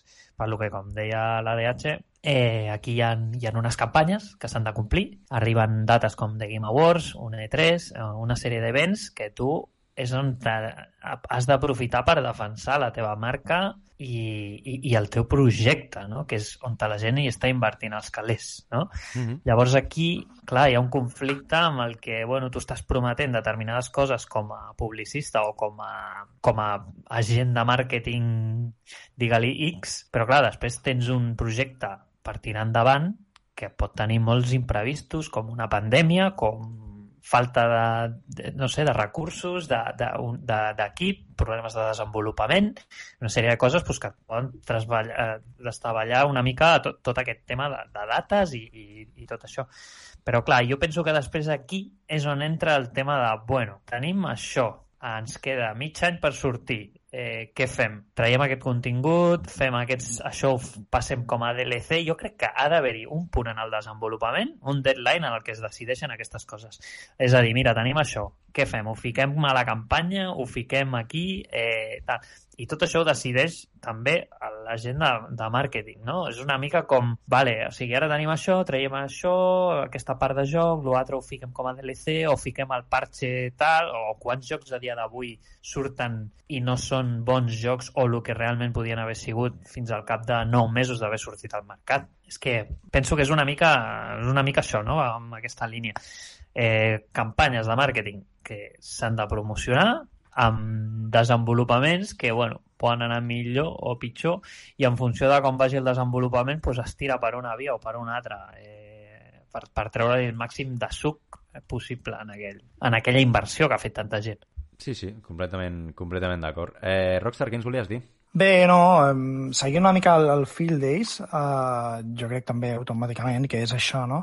És a dir, les empreses lucren d'això, és un factor que és bastant important a dia d'avui, que aconsegueixin pasta de la manera que sigui, i això també, doncs, el que em dèiem abans, no? Falten idees, falten coses noves, no? Um, jo, per exemple, us poso un exemple, el Maxi em fotrà, em fotrà de pals, però jo, per exemple, el Forza, el Forza, que, que el nou, l'Horizon, Forza 5 Horizon, per mi és el Forza Horizon 4, que és el Forza Horizon 3, que és el Forza Horizon 2, que és el Forza Horizon 1 i que és el Forza Motorsport 7, i així fins al primer. I amb el mateix amb els, grans, amb els grans turismos. Però és que no és només això, és que la gran majoria de jocs els hi falta autoinventar-se. És a dir, un exemple del God of War, eh, a mi m'agradava més l'original, l'estil original, i han fet una reinvenció. Pot agradar més, pot agradar menys, eh? Però, bueno, és una reinvenció, no?, i es podria haver fotut una nata i no se l'han fotut. I jo crec que aquestes coses falten, no? Veure, doncs, per exemple, com Nintendo t'està intentant ven- vendre cartrons perquè juguis amb, els teus fa amb la teva família, doncs, ostres, per què Uf. no, no? Uf, bueno, O sigui, jo, jo, sé que no, jo sé que no a tothom li pot agradar, jo, jo no no? entraré en el tema del cartró associat amb els videojocs, però bueno, igual. No, no, no, però, però em refereixo, són idees, no? Són idees que ja van plantar, eh, que van germanar, no? Amb, pues, Sega amb un, amb un karaoke, que després vam tenir el SingStar a PlayStation, Mm, sí. eh, coses amb el, com el Satellaview, que et poguessis descarregar jocs a la teva consola amb un disquet. Són coses que a dia d'avui aquestes coses s'han anat perdent, aquestes innovacions, no? Hi ha cosetes, com per exemple el Kinect, eh, pues, jo què sé, no? Eh, jo crec que sobretot Nintendo són les, més que, les que més intenten abogar per això, no? Però falta molta inventiva, no? Quan veus que Microsoft, per exemple, es llança i diu, mira, doncs farem les HoloLens, no? Aquesta realitat augmentada amb ulleres, no sé què, i desapareixen doncs, perquè no ho veuen viable, perquè pensen que serà una... que acabaran tirant els diners i diuen, tallem aquí ostres, pues, foteu-vos una hòstia, no? Foteu-vos una hòstia i a veure què surt. I potser això, el dia de demà, tenim una nova idea. Mm, pues no passa, no passa. I tenim jocs que són clones d'altres, que no acaben d'haver-hi noves idees. Al final, si veieu, els indis tot i tenir un, un mercat molt minoritari, són els que acaben emprenent noves idees i és una pena, no? I tot i així, últimament els indis també estan una mica collats per sota publishers, perquè ja sabeu, mira, mireu el No Man's Sky, el que va sortir, sí, sí. no cal que digues més. Sí, sí, està clar, tot i que ara és un, un tros de joc, però sí, sí, sé per on vas i, i, i en aquest sentit doncs, et, don, et dono la raó. Uh, Machirito, digue'ns. Sí, bueno, això que comenta el Rockstar, que mm, això passa i és així, però perquè costa molts calés desenvolupar un joc per exemple, un triple A costa molts, molts, molts calés. Llavors, per les empreses és molt rentable agafar el motor del joc que han tret fa dos anys. Bueno, és que l'exemple és amb Activision. Què fa Activision amb el Duty? Pilles sí. un motor que tens desenvolupat eh, i li rentes la cara cada any, afegeixes eh, noves, nous modes de joc o digue-li X i ja tens un joc nou. El, també tens un FIFA 22, que és un FIFA 21, que és un FIFA 20, que és un FIFA 19, que és un sí, FIFA 18. Sí, sí, sí, sí, sí. Eh, és assegurar el tret, assegurar el tret, però, ja està. Però eh, és els, són els jocs que més venen a totes les plataformes. Eh, és que penso que el problema i la solució està aquí mateix. És a dir, eh, sí, és lleig queda lleig, però la gent ho compra. Mentre la gent ho compri, difícilment aquest, no? les empreses... Clar, clar. S'ha fet aquest, si funciona, per què canviar-ho, no? Ah, correcte. I es basen en això. I és com... un negoci molt gran i al final el que es tracta és de guanyar calés. I tornem a la roda que dèiem abans, que el tema de si, bueno, que, que està... que poder falta més amor eh, i si una cosa funciona sí. a nivell d'empresarial, doncs per què tocar-la, no? És una mica això. Al final això també és com el cinema, com el que diu abans del cinema. Que mm. funcionen les pel·lis de Michael Bay, és a dir, pel·lis que són del Chris Petas i que t'aniràs a dormir i diràs, bueno, demà és un dia nou, i ja està. Mm. Perquè és així, és així, no? No et posaràs a veure cinema d'Ingmar Bergman la gran majoria de gent, no, no, no. La gent vol consumir basura industrial. Explosions, i efectes especials... Sí, sí, sí. I superherois, eh? Superherois, però no Batman, mm. sinó dels altres. En fi, això... Perdó, perdó, perdó. Eh, ja, és que, ja és que em toquen la fibra amb això dels superherois. És igual. Canvi de tema. Xavi, què volies dir, tio? Perdona, que, que no t'he donat pas. Ah, no, que creieu que, que l'últim cas que ens hem trobat d'això podria ser el Halo? En quin sentit? Doncs que el Halo ha sortit ha, ha sortit a trossos, no? Primer el multijugador, ara et surt la campanya, després resulta que si el compres en físic eh, no, no et funciona el disc, sinó que tu fiques el, el, el CD i s'ha de baixar com un paquet per jugar-lo. Vull dir, no us sembla que ha sortit també perquè havia de sortir sí o sí ara, però no està realment acabat? Eh, Podria ser. Bueno, jo, jo no ho sé. No ho sé, no ho sé. El Halo va tenir els problemes aquests del crunch, no sé si en recordeu, que van dir que, bueno, que s'havia fet crunch perquè bueno, que s'havia de tirar cap endavant i que ho estaven intentant aminorar, això, i que... Sí, com la gran majoria bueno, de jocs com... de, de, sí. de standing, entre cometes, eh, ja m'enteneu. Aleshores, jo crec que porta molt de temps endarrerint. Vam patir molt amb, quan vam mostrar les, les imatges originals del joc, aquell estil una mica cartoon, no? que jo penso, sincerament, tenia més personalitat que no uns, uns gràfics superrealistes, però bueno, això ja és opinió impopular, no? I jo crec que que, bueno, que sí, que, que, que ho està patint, realment. Eh, Machito, vols afegir alguna cosa més? Eh, no, bueno, el que és, el que s'ha comentat, al final el tema del Halo crec que bueno, ja va ser un desenvolupament que els hi va enganxar moltes coses de per mig i penso que el que diu l'ADH eh, el que han tret, de la manera que l'han tret penso que ha sigut perquè ja van dir que enredarien el desenvolupament per treure una cosa decent que crec que ho, ho faran. Bueno, encara no he provat la campanya, però sí he jugat al multi i a mi el multi m'està agradant molt i, i, és, i, i el trobo bastant potent i bastant finet i es nota que han fet una bona feina aquest any, és a dir, almenys han aprofitat el que aquest any i, i han complert el que, el que han promès a nivell de campanya, com us dic, no ho sé, però, però els ha enganxat una mica el temps, és a dir, ja no podem allargar més d'un any i ho hem de treure ja i penso que han fet això d'aquesta manera i ja està. Encarem el tram final del programa parlant del tema o de, sí, del tema que segurament d'entre d'altres doncs, serà el tema del mes, no? Com és el GOTI. Eh? Ja sabeu, aquesta famosa gala de premis anomenada The Game Awards, eh, que premia els jocs més destacats de cada any i que el, bueno, el presenta un dels personatges que més estima el nostre company ADH i, i això, des de l'univers hem volgut eh, premiar també el joc de l'any o el que per nosaltres eh, ho ha estat, clar. Això sí, d'una manera bastant peculiar, eh? jo us ho explico. Eh, una de les coses que pensem a l'univers i que tenim com els 10 manaments a la vida, sobretot pel que fa als videojocs, és que per valorar un joc abans l'has de jugar, no? Doncs què ha passat? Clar, hi ha gent que, de l'equip que mm, no ha jugat a cap joc de, destacable o, o que puguem destacar d'aquest 2021, com per exemple jo, que he jugat al FIFA, que dius, hòstia, et posaràs a valorar el FIFA, el posaràs en aquesta carrera de, de, de goti de l'univers? Doncs evidentment no, perquè com estàvem dient també anteriorment, doncs el FIFA és bastant eh, continuista, no? Eh, I tampoc és un joc que, que, que diguis, hòstia, sí, jo poso el FIFA per... Va, no, ja, ja, ja m'enteneu, ja m'enteneu per això. O també hi ha gent que sí que ha pogut eh, votar perquè ha jugat a jocs de 2021, però que no ha pogut o volgut jugar a qualsevol altre joc que en teoria podria sortir tranquil·lament a les travesses com a joc de l'any. Eh, M'explico, doncs jo que sé, el joc de l'any eh, aquest any ha pogut ser, doncs, per exemple, el, el Deathloop. Doncs poder ningú de l'univers l'ha volgut jugar encara, no? I per això no l'hem posat a la nostra travessa. És a dir que si, si trobeu a faltar títols o alguna absència destacada, doncs, doncs tranquils, ens podeu insultar tot el que vulgueu, però que serà per això, d'acord? Vull dir, no, que no arribi sang al riu. I això. I resumint, res, eh, vaig al gra eh, que el Premi de l'Univers GVC a millor joc del 2021 serà per aquell joc que haurem pogut jugar i que, per tant, haurem pogut votar. I com ho hem fet? Doncs bé, cada votant, cada component de l'univers, estem parlant de la gent que fa el podcast i també de la gent de components de, de, de l'univers que tampoc són gaire freqüents aquí en el podcast, com per exemple doncs, l'Structure o també el Catajocs. Doncs han pogut votar eh, de la següent manera. Cada votant ha premiat eh, tres jocs.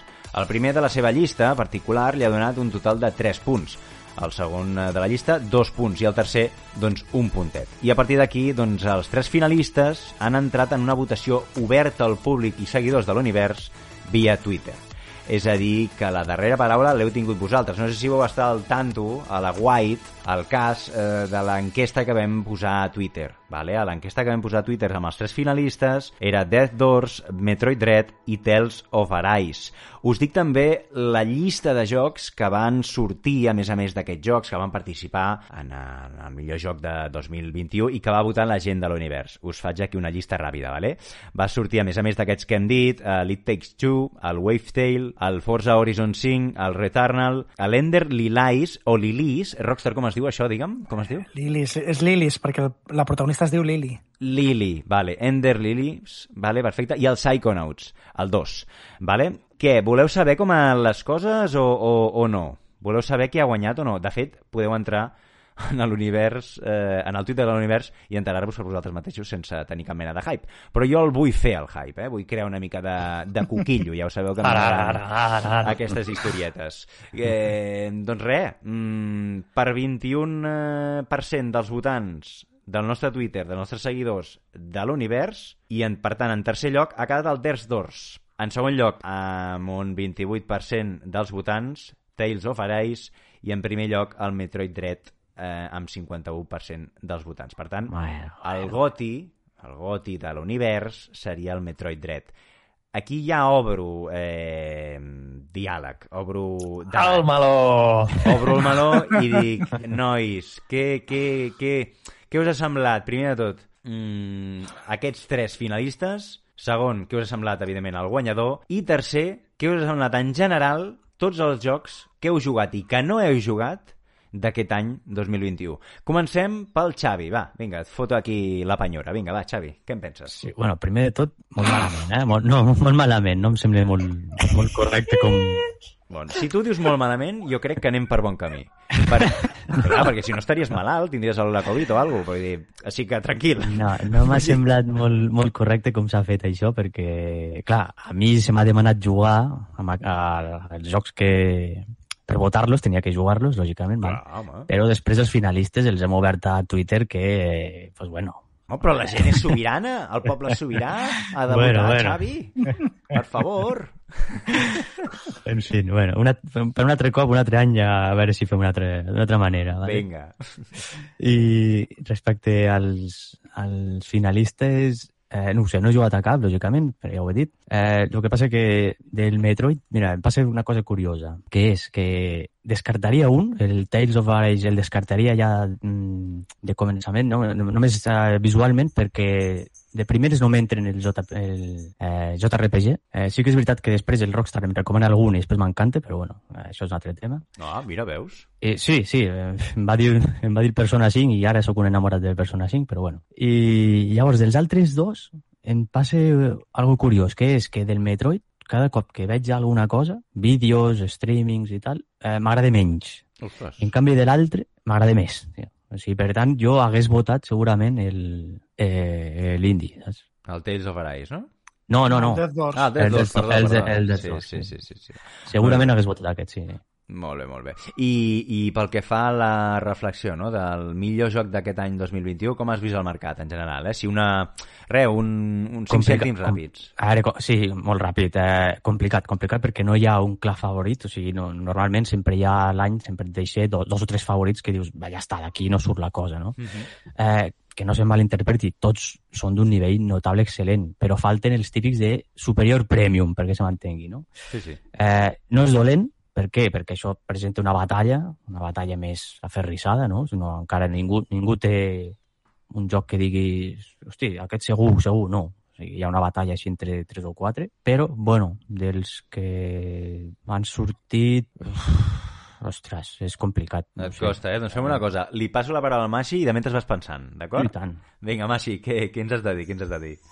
Bueno, pues que té una peculiaritat això, no? Com dèiem, que és que el, són jocs que hem hagut de jugar, per lo que no ha sortit el que molts, o, o sigui, els títols que, que, que més de, han destacat, o la majoria de gent diria, no? Que, bueno, en el cas del Metroid està clar, no? De fet, està anomenat al, al GOTI i, i, bueno, bastant, bastant clar en aquest sentit, però, bueno, la peculiaritat és això, no? Que els jocs proposats doncs, són jocs que hem jugat i, i bueno, jo a lo millor hagués anomenat altres, però he anomenat els que he anomenat perquè són els que he jugat i dels que he jugat els que més m'han agradat, no?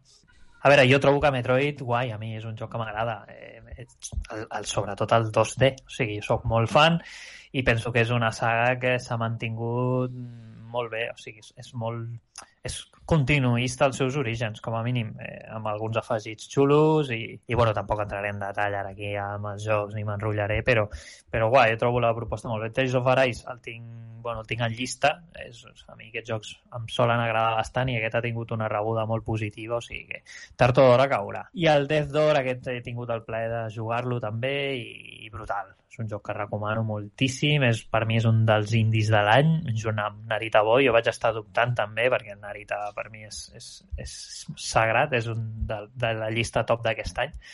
Oh. Però, bueno, total mereixedor de, de, de, de Goti. Eh, Per mi és, és brutal. Tant l'art com la banda sonora té, engloba moltes coses molt bones. I pel que I, fa bueno- a això, no? a el que és el, a la indústria en aquest any de, de 2021, el que ens ha brindat, què, què en penses? Aquí, aquí coincideixo totalment amb la DH. És complicat, complicat aquest any perquè ha sortit molta, molt joc intergeneracional, però bueno, eh, eh, el que hi ha i el que s'ha nominat, bueno, penso que està prou bé. Hi ha jocs de pes i, i jocs eh, molt ben consolidats a dia d'avui i, i mereixedors, no? Però, però bueno, eh, penso que hi ha hagut anys millors, no? ho resumiré així d'aquesta manera, perquè, però bueno, està variat i, bueno, i ha indis, bueno, jocs que, per exemple, estan a categoria... Parlo dels GOTY ara, eh, del que s'ha Mhm, nomen- sí, sí. eh, nominat. Hi ha alguns que estan en categories que, bueno, eh, per exemple, GOTYs que estan com a categoria GOTY i penso que hi ha alguns que haurien d'estar GOTYs que estan a categories que no són GOTY, saps? Però, bueno, no, no entraré en més detalls. Eh, penso que que bueno, eh, altres estan millor o més... No millor, sinó més, més clar, no? I bueno, per altra banda hi ha jocs que tampoc puc opinar perquè no els he jugat, com el cas del Psychonauts 2 o jocs que bueno, penso que poden estar molt xulos i, i, i, bueno, i no, el tinc pendent de jugar i no, no opinaré. Molt bé. Abans de passar-li la paraula al Jordi, al Rockstar, i posteriorment al Xavi, perquè ens acabi de fer els 5 cèntims que, que ens té pendents. Cal dir que estem gravant el podcast abans de la gala dels, dels de Game Awards d'acord? Abans que el senyor Kingsley doncs digui el, en veritat el, o realment el que és el triomfador de, de l'any. Per tant, eh, no us extranyi que tampoc entrem en profunditat amb el tema de la gala, però sí, això sí que voldrem tocar una mica de què ens sembla en general eh, aquesta gala en general als anys, no? el fet, no la gala en si d'aquest any de 2021, sinó el fet de fer-la, tot el que comporta, actuacions, eh, entrevistes, eh, showcase, eh, exposicions, etc.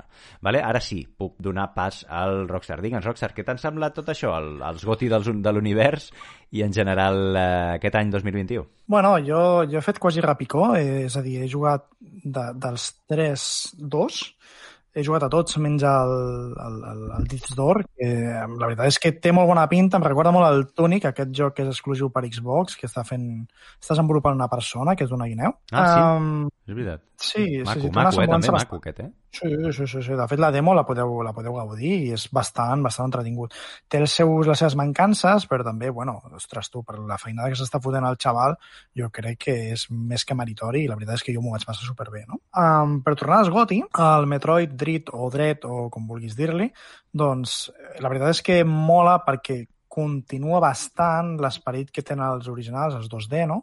que és aquest 2D i mig, que són gràfics 3D, amb escroll lateral, en 2D, però jo penso que també s'ha perdut una mica d'aquest uh, esperit, no? d'aquest esperit que tenia l'original. Posat uns poders que són una mica diferents als originals. Però bueno, està bé, està bé. És un bon joc, la veritat també, entrant en temes d'història, potser no és la millor narrativa del món, és la millor història, no? És una història bastant semblant als antics i això vol dir que, doncs, que és bastant, bastant simplona, no? I després, eh, l'altre, que és el Tales of Arise, jo crec que és un joc que artísticament és de 10, que el seu combat com a RPG és brutal, és molt entretingut, fer combats, no es fan pesats, però la seva part negativa és que la història comença molt fort, comença molt bé, i amb el pas del temps té una davallada bastant important. Però, tot i així, a nivell d'història està bastant bé, a nivell de gràfics és brutal, el disseny propi és espectacular, la banda sonora és, també és, bueno, és una obra mestra, així que, en aquest sentit, guai. Jo havia proposat coses com el Psychonauts, que em sembla que la veritat per mi seria un just guanyador. Eh, Psychonauts, la veritat és que és aquest bueno, joc desenvolupat per Double Fine, no? que ja sabeu que és un dels creadors de, de, de, de Maniac Mansion, no? Maniac Mansion era no? No ho sé, si no ho saps tu, eh, que ets el, ah, sí. ah, sí, l'enciclopèdia ambulant, doncs no sé. Sí? bueno, jo, jo no sé si era Maniac Mansion o era Monkey Island, val? perquè sempre tinc problemes amb el Ron Gilbert i ell, no? Qüestió, que, que és un joc que està, que té una narrativa bastant guai, que, que a nivell de plataforma és un joc super divertit, que tens moltes coses a fer i m'ho vaig passar pipa. M'ho vaig passar pipa, la veritat. I després s'havia dit l'Ender Lilies també perquè és un joc bastant entretingut, és un Metroidvania amb tocs de Souls, una història bastant guai, uh, un indie japonès però que està supercurat, un, una animació i un disseny propi molt maco, i la veritat és que fa pam paiues en el meu cor i també Ui. està... Hi havia, hi havia coses interessants, com el Narita Boy també, que també em va, em va cridar molt, però tornant al tema que volies dir tu, que és la indústria que ens ha semblat aquest any, jo crec que ha estat una mica apagadota. Una mica apagadota i que tot i que sí que hi ha títols que estan bastant bé, com el Resident Evil, o el Metroid Dread, o, o jo que sé, ara mateix que dir-t'ho, el, el Returnal, o coses d'aquestes que, bueno, pues, sí, estan bé, però els hi falta. O el Tales of Arise mateix, o els hi falta alguna cosa, no? I per això jo crec que els Psychonauts, doncs, és un joc que és bastant, bastant important a dia a dia avui i que intenta obrir una mica més el mercat més enllà del que hi ha. I la veritat és que seria un, un guanyador bastant guai. Molt bé. Eh, doncs què us sembla si ara aparquem una mica el tema de les votacions de l'univers aquest, eh, bueno, aquest, aquest goti que ha guanyat el Metroid Dread i passem a parlar en general què ens sembla doncs, la gala dels, de Game Awards presentada, com ja sabeu, sobre amb pel senyor... Com es diu eh, de nom? El Kifli? Com es diu? Geo. Geo. El Geoff, Joff, eh? Que- Joff, Joff. Gifli. L'amic, l'amic Geoff Geo. És que a part té un nom eh, impronunciable per gent eh, tan, eh, no sé, tan curteta com jo. Però bueno, Clar, però, perquè només li poden dir als seus amics, tio, com a Kojima. doncs va, eh, ara sí, Xavi, et passo, la, la... passo el marrón i digue'ns què en penses d'aquest eh, d'aquesta gala, d'aquesta gala dels Game Awards. Bé, bé, bé. Jo soc partidari sí, sí, de... Bé, partidari, sí, sí. Ara aquí sí. el teu més fals del planeta. Va, home, va, digues. No, no, no, que, o sigui, jo no tinc... No, a mi em sembla bé que sí que, que, que existeixi la gala i bueno, l'esdeveniment i que es facin aquests premis. El que he criticat sempre són les formes. Claro, jo el que, el, que, el que he criticat des del primer programa, diria, és com es fa. Eh, es fa malament. És a dir, per mi, eh, per començar, les dates no són les correctes. No? Ja Quan, el de- quan el faries tu? Bueno, això pues, fe, fe, ho has de fer com els Oscars, això, el gener o el febrer. Clar, o sigui, tu ara estàs deixant jocs a partir de l'octubre Això és veritat. fi- fins a final d'any fins a final d'any no entren perquè els que, han els que analitzen els, els jocs les últimes eh, versions de joc que, que poden jugar i passar l'informe, diguéssim, eh, jo, segons tinc entès, és màxim fins a primera setmana de novembre, crec, o última d'octubre, no ho sé. Sí, és, és molt, molt d'hora. Clar, això, això, clar, això és, és injust per molts jocs. Això, si la majoria, molts jocs surten a, el Pepino surten a final, a final d'any. De fet, el, tri- Ha- de fet, el Halo mateix, no? Entenc? per exemple. O, eh, mira, el cas més, més flagrant, eh, Forza Horizon, Horizon 5. És veritat, el Forza. Forza també. Horizon 5. No, El no Forza està Horizon nominat, 5. el Forza. Però està nominat. Però espera, espera, espera, espera. El, For- el, saps com han arreglat això? Digue'm, L'han digue'm, tret digue'm. de... No, doncs l'han tret de, de Goti, diguéssim. Ni- Ningú el podia nominar a Goti, però resulta que com, com, a, com a premi allò perquè no s'enfadin, l'han ficat en una, en una altra categoria. La de Clar. conducció. Una altra... Sí, sí, sí, suposo, Sí, no, sí. sé, no, no ho he Sí, mirat, sí, eh? sí. però- Sí, sí, mira, ja de ho- carreres, sí, sí. Pues mira, ja ho tens tu. Mm. I, I dius, si no entra per un, com pots entrar per l'altre, saps? O sigui, és que no, no té cap puto sentit això, saps? Bueno, perdó, però és que no... Em fiquen negre, ja, això, vull dir... No, no, bueno, tranquil. eh, I per això està el podcast, per, per denunciar-ho d'alguna manera, no? Eh, Rockstar, què, què en penses d'això? Veig que el Machirito està menjant, no? Per aquí? Estàs menjant uns quicos o alguna així, en sentit? O uns... Eh, no? I dic, bueno, passo, passo directament al Rockstar, que crec que no té res a la boca, no? No, no, no, bueno, que jo sàpiga no, almenys.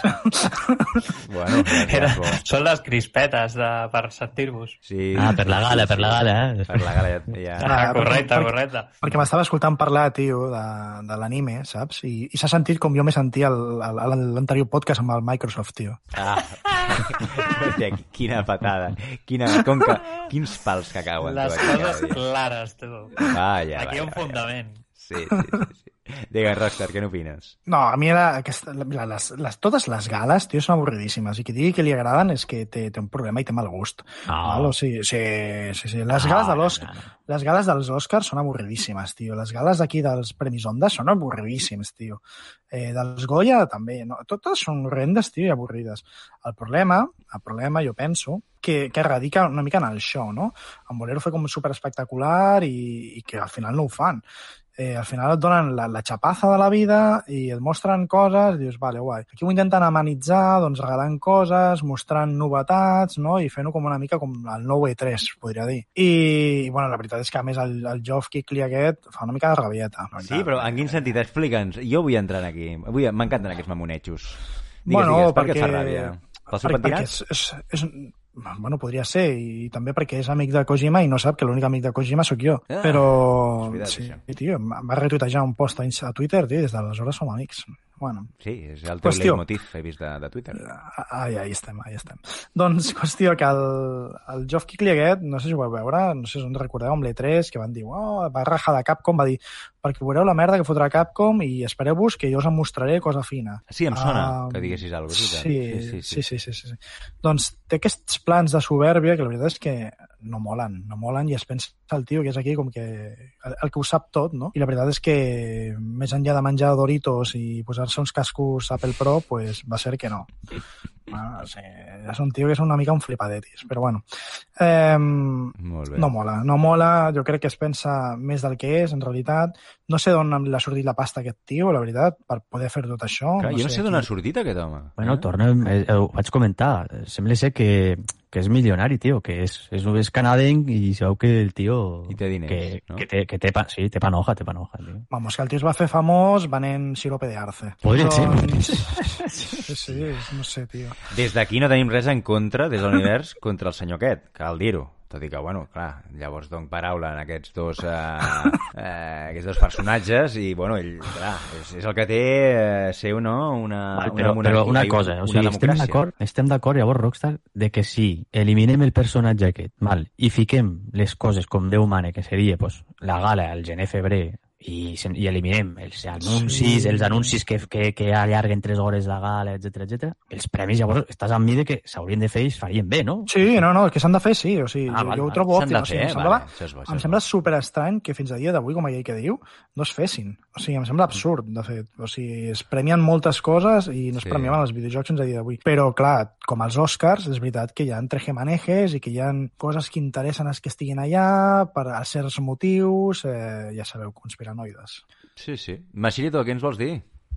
Què n'opines? Doncs que penso- aquest- de tot aquest circ? que de, el, punt de, el punt de vista d'aquesta gala, o sigui, de la- de l'anàlisi d'aquesta gala, és que perquè sigui, eh, sigui interessant, necessita que tingui world premiers i presentacions de determinats jocs. Correcte, estic, estic d'acord. Per- Perquè si tu li treus això, aquesta gala... No la mira, merda. perquè, mira, no la mira ni, ni Exacte, bueno. al final és el mor... al final això serveix per, bueno, el morbillo de, del goti, no? Però al final jo penso que, que els calarons els treuen a nivell mediàtic, per la publi, per, bueno, el, que qui serà el goti, que no sé què, i tot, tot el que mou pues, a nivell de, de xarxes socials i a Correcte. nivell mediàtic eh, el que és The Game Awards, no? la marca Mm. però, però jo penso que al final, és, és a part de, del negoci que comento, eh, l'han de maquillar amb tot això de presentacions de jocs, perquè és que si no, no és que perd tot l'interès, perquè anar llistant jocs i després que surti el que ells consideren que és el millor o pitjor, que jo estic en contra d'això, eh, d'aquestes gales i tal, perquè aquí hi ha un tema personal que, a Tu veure, estàs en contra d'aquests premis? jo, jo estic en contra de, dels premis en general, o sigui, Ah, vale, vale. Jo- bueno, no, vull, dir que, vull, O sigui, vull que quedi a clar, mi- saps? a mi em pot agradar molt un joc indie i, és el, i, i em pot donar l'experiència de la meva vida per un tema personal determinat i després tinc aquests senyors que m'estan dient que no, no, que el joc de l'any és aquest. Bueno, sí, a veure... I això ja penso que ho ha de determinar qui juga en funció de les seves preferències i l'experiència que té amb els, amb els seus jocs i, i ja està. No, no, no penso que, que hi hagi un, no sé, com un, una sèrie de coses que van puntuant els jocs, no? I en funció d'això, és que no, no sé quina estratègia segueix aquesta gent per dir, vale, aquest joc és el, és el millor o no és el millor. Bueno, suposo que, que han de, tindran una sèrie de punts a valorar, com l'art, la banda sonora, eh, tal, però bueno, el que vull dir és que a mi em costa molt de- d'acceptar que, que determinades persones em diguin quin és el joc de l'any quan és una cosa tan semblant al cinema, no? Al final estem parlant De molts gustos, no? de, de, sí, al final estem Molts parlant d'un alt percentatge d'art, vale? i al final hi ha gent que li pot agradar, hi ha gent que no li pot agradar, i, i aquí hi ha, hi ha, hi ha, sí, se'n barregen molt de gustos. Una cosa us vull dir, eh?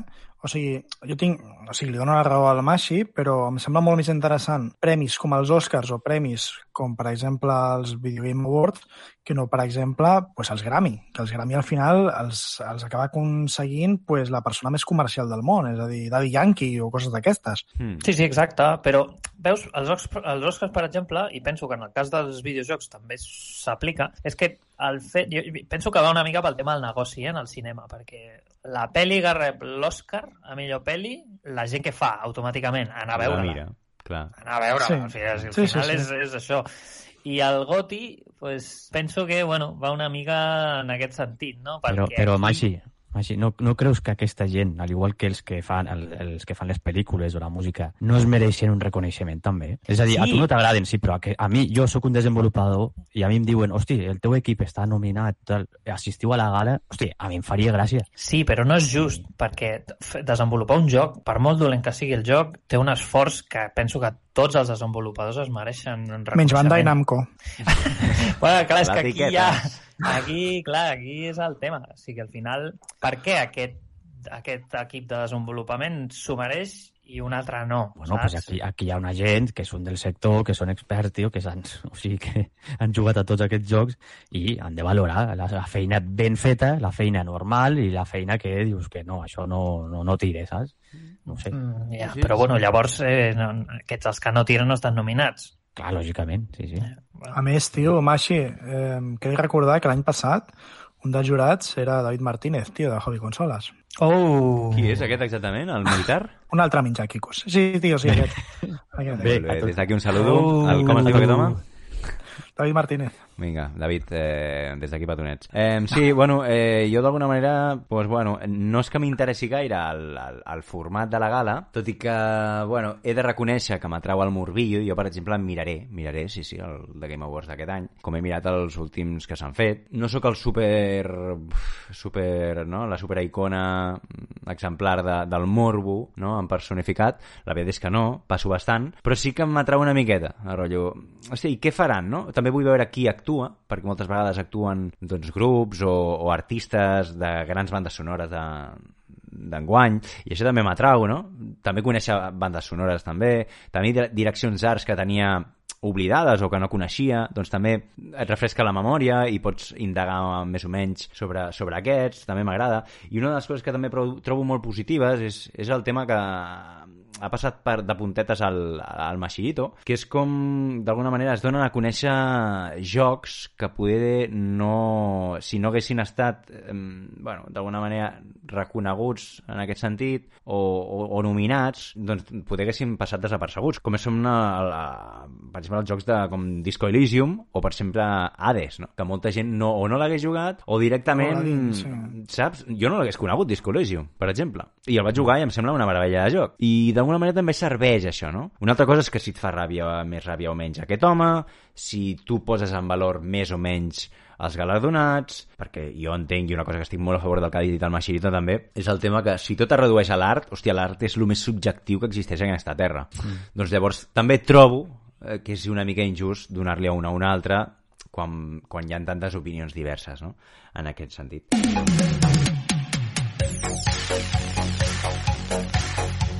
Vale, I ara ja la recta final i acabarem amb això. Um, ens farem 5 cèntims del que estem jugant ara mateix tant el Jordi com l'ADH o com el Carlos. Vale? Els jocs aquests que volem destacar, que ara estem jugant, o poder estem jugant algun joc que no volem destacar de lo dolent que és. O poder al revés, no? Jordi, digue'ns què estàs jugant i què volies destacar. Bueno, jo ara he començat a jugar al Shin Megami Tensei, però com que l'acabo de començar, doncs deixarem d'històries i parlaré d'algú que pff, em sembla ressenyable, no? Um, va jugar al Soma, em va agradar bastant a nivell narratiu.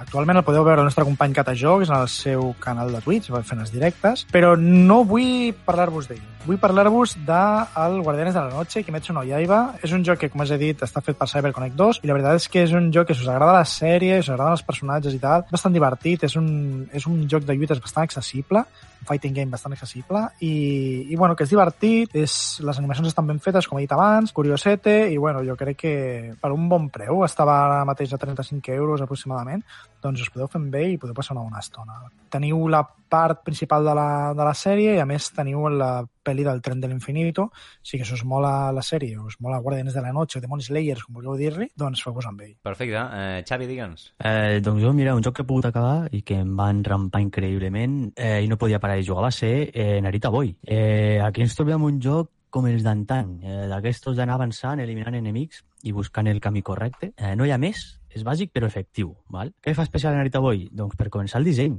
Si podeu, busqueu-lo per internet i veureu com s'ha inspirat amb una estètica dels jocs de recreativa dels 80. Uh -huh. De fet, us recomano activar l'opció que té a dins del menú, que és per activar, per simular que l'esteu jugant amb una, amb una televisió vella, amb les cantonades que, que no són nítides. Val? Hòstia, amb quatre terços, vols dir? no, no, és que et fica com Amb si un estigués- monitor CDR. Sí. Eh, exacte, Ah, un monitor hòstia, CDR. vale.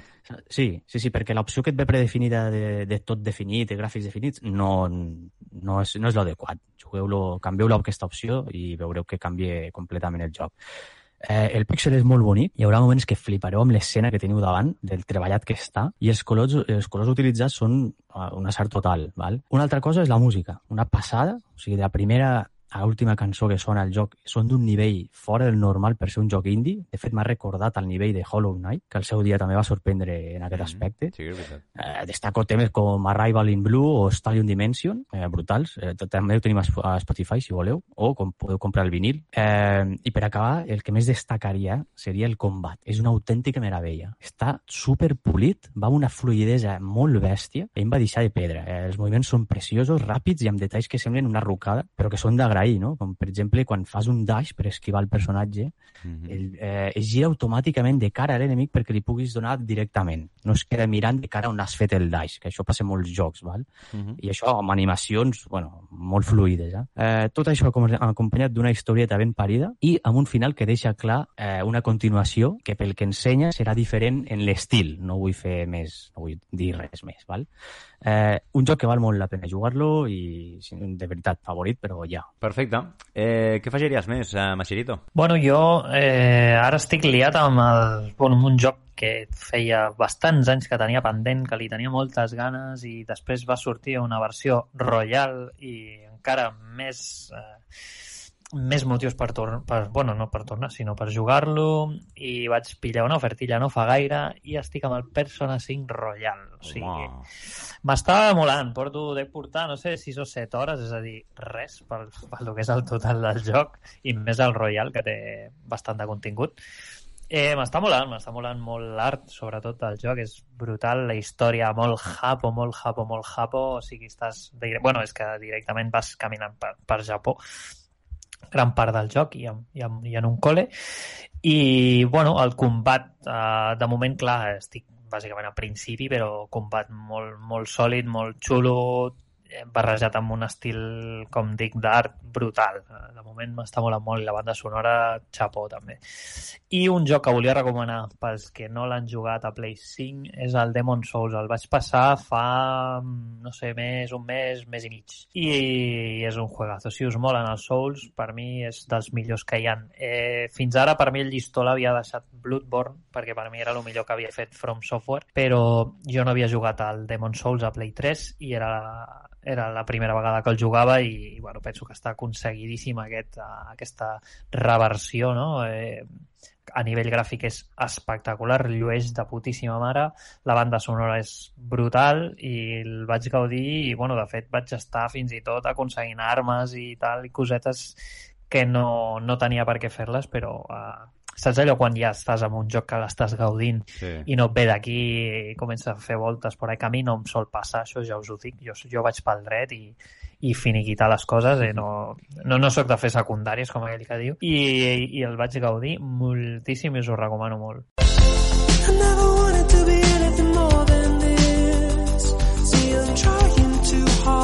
Perfecte, eh, queda dit. Doncs, eh, companys, companyes, ho deixarem aquí. Avui el sisè capítol, el sisè episodi de G8cast, el podcast de l'univers. Moltes gràcies per eh, la teva presència, mm, Rockstar. No, no, a tu, tio. A tu. Ja estem arribant, ja estem arribant al nostre planeta preferit, tio. Estem a punt d'arribar ja, eh? Molt bé, molt bé, molt bé. Eh, ADH, moltes gràcies també per tenir-te per aquí, amb, amb les teves sàvies paraules. no, home, vosaltres... Espero que no surti molt llarg avui, no sé. No, bueno, bueno, una mica sí, una mica més del normal, però és normal, eh? Ja, ja hem dit al principi que és un podcast especial perquè englobem el novembre i el desembre. I Machirito, gràcies també per aportar la teva saviesa i coneixement aquí al podcast. De res, home, és un plaer, com sempre. I només ens queda donar-vos les gràcies a vosaltres, eh, també desitjar-vos unes bones festes i una bona entrada d'any. I com no recordar-vos també que a més a més de YouTube doncs també tenim Twitch, que de tant en quant fem partidetes. També tenim Instagram, que és on fem els screenshots o fotografies més destacables de tot allò que estem jugant. I el Twitter, per conèixer el dia a dia de l'univers G8CO. Per no haver res més, que vagi molt bé, bones festes i bon any. Ciao, ciao!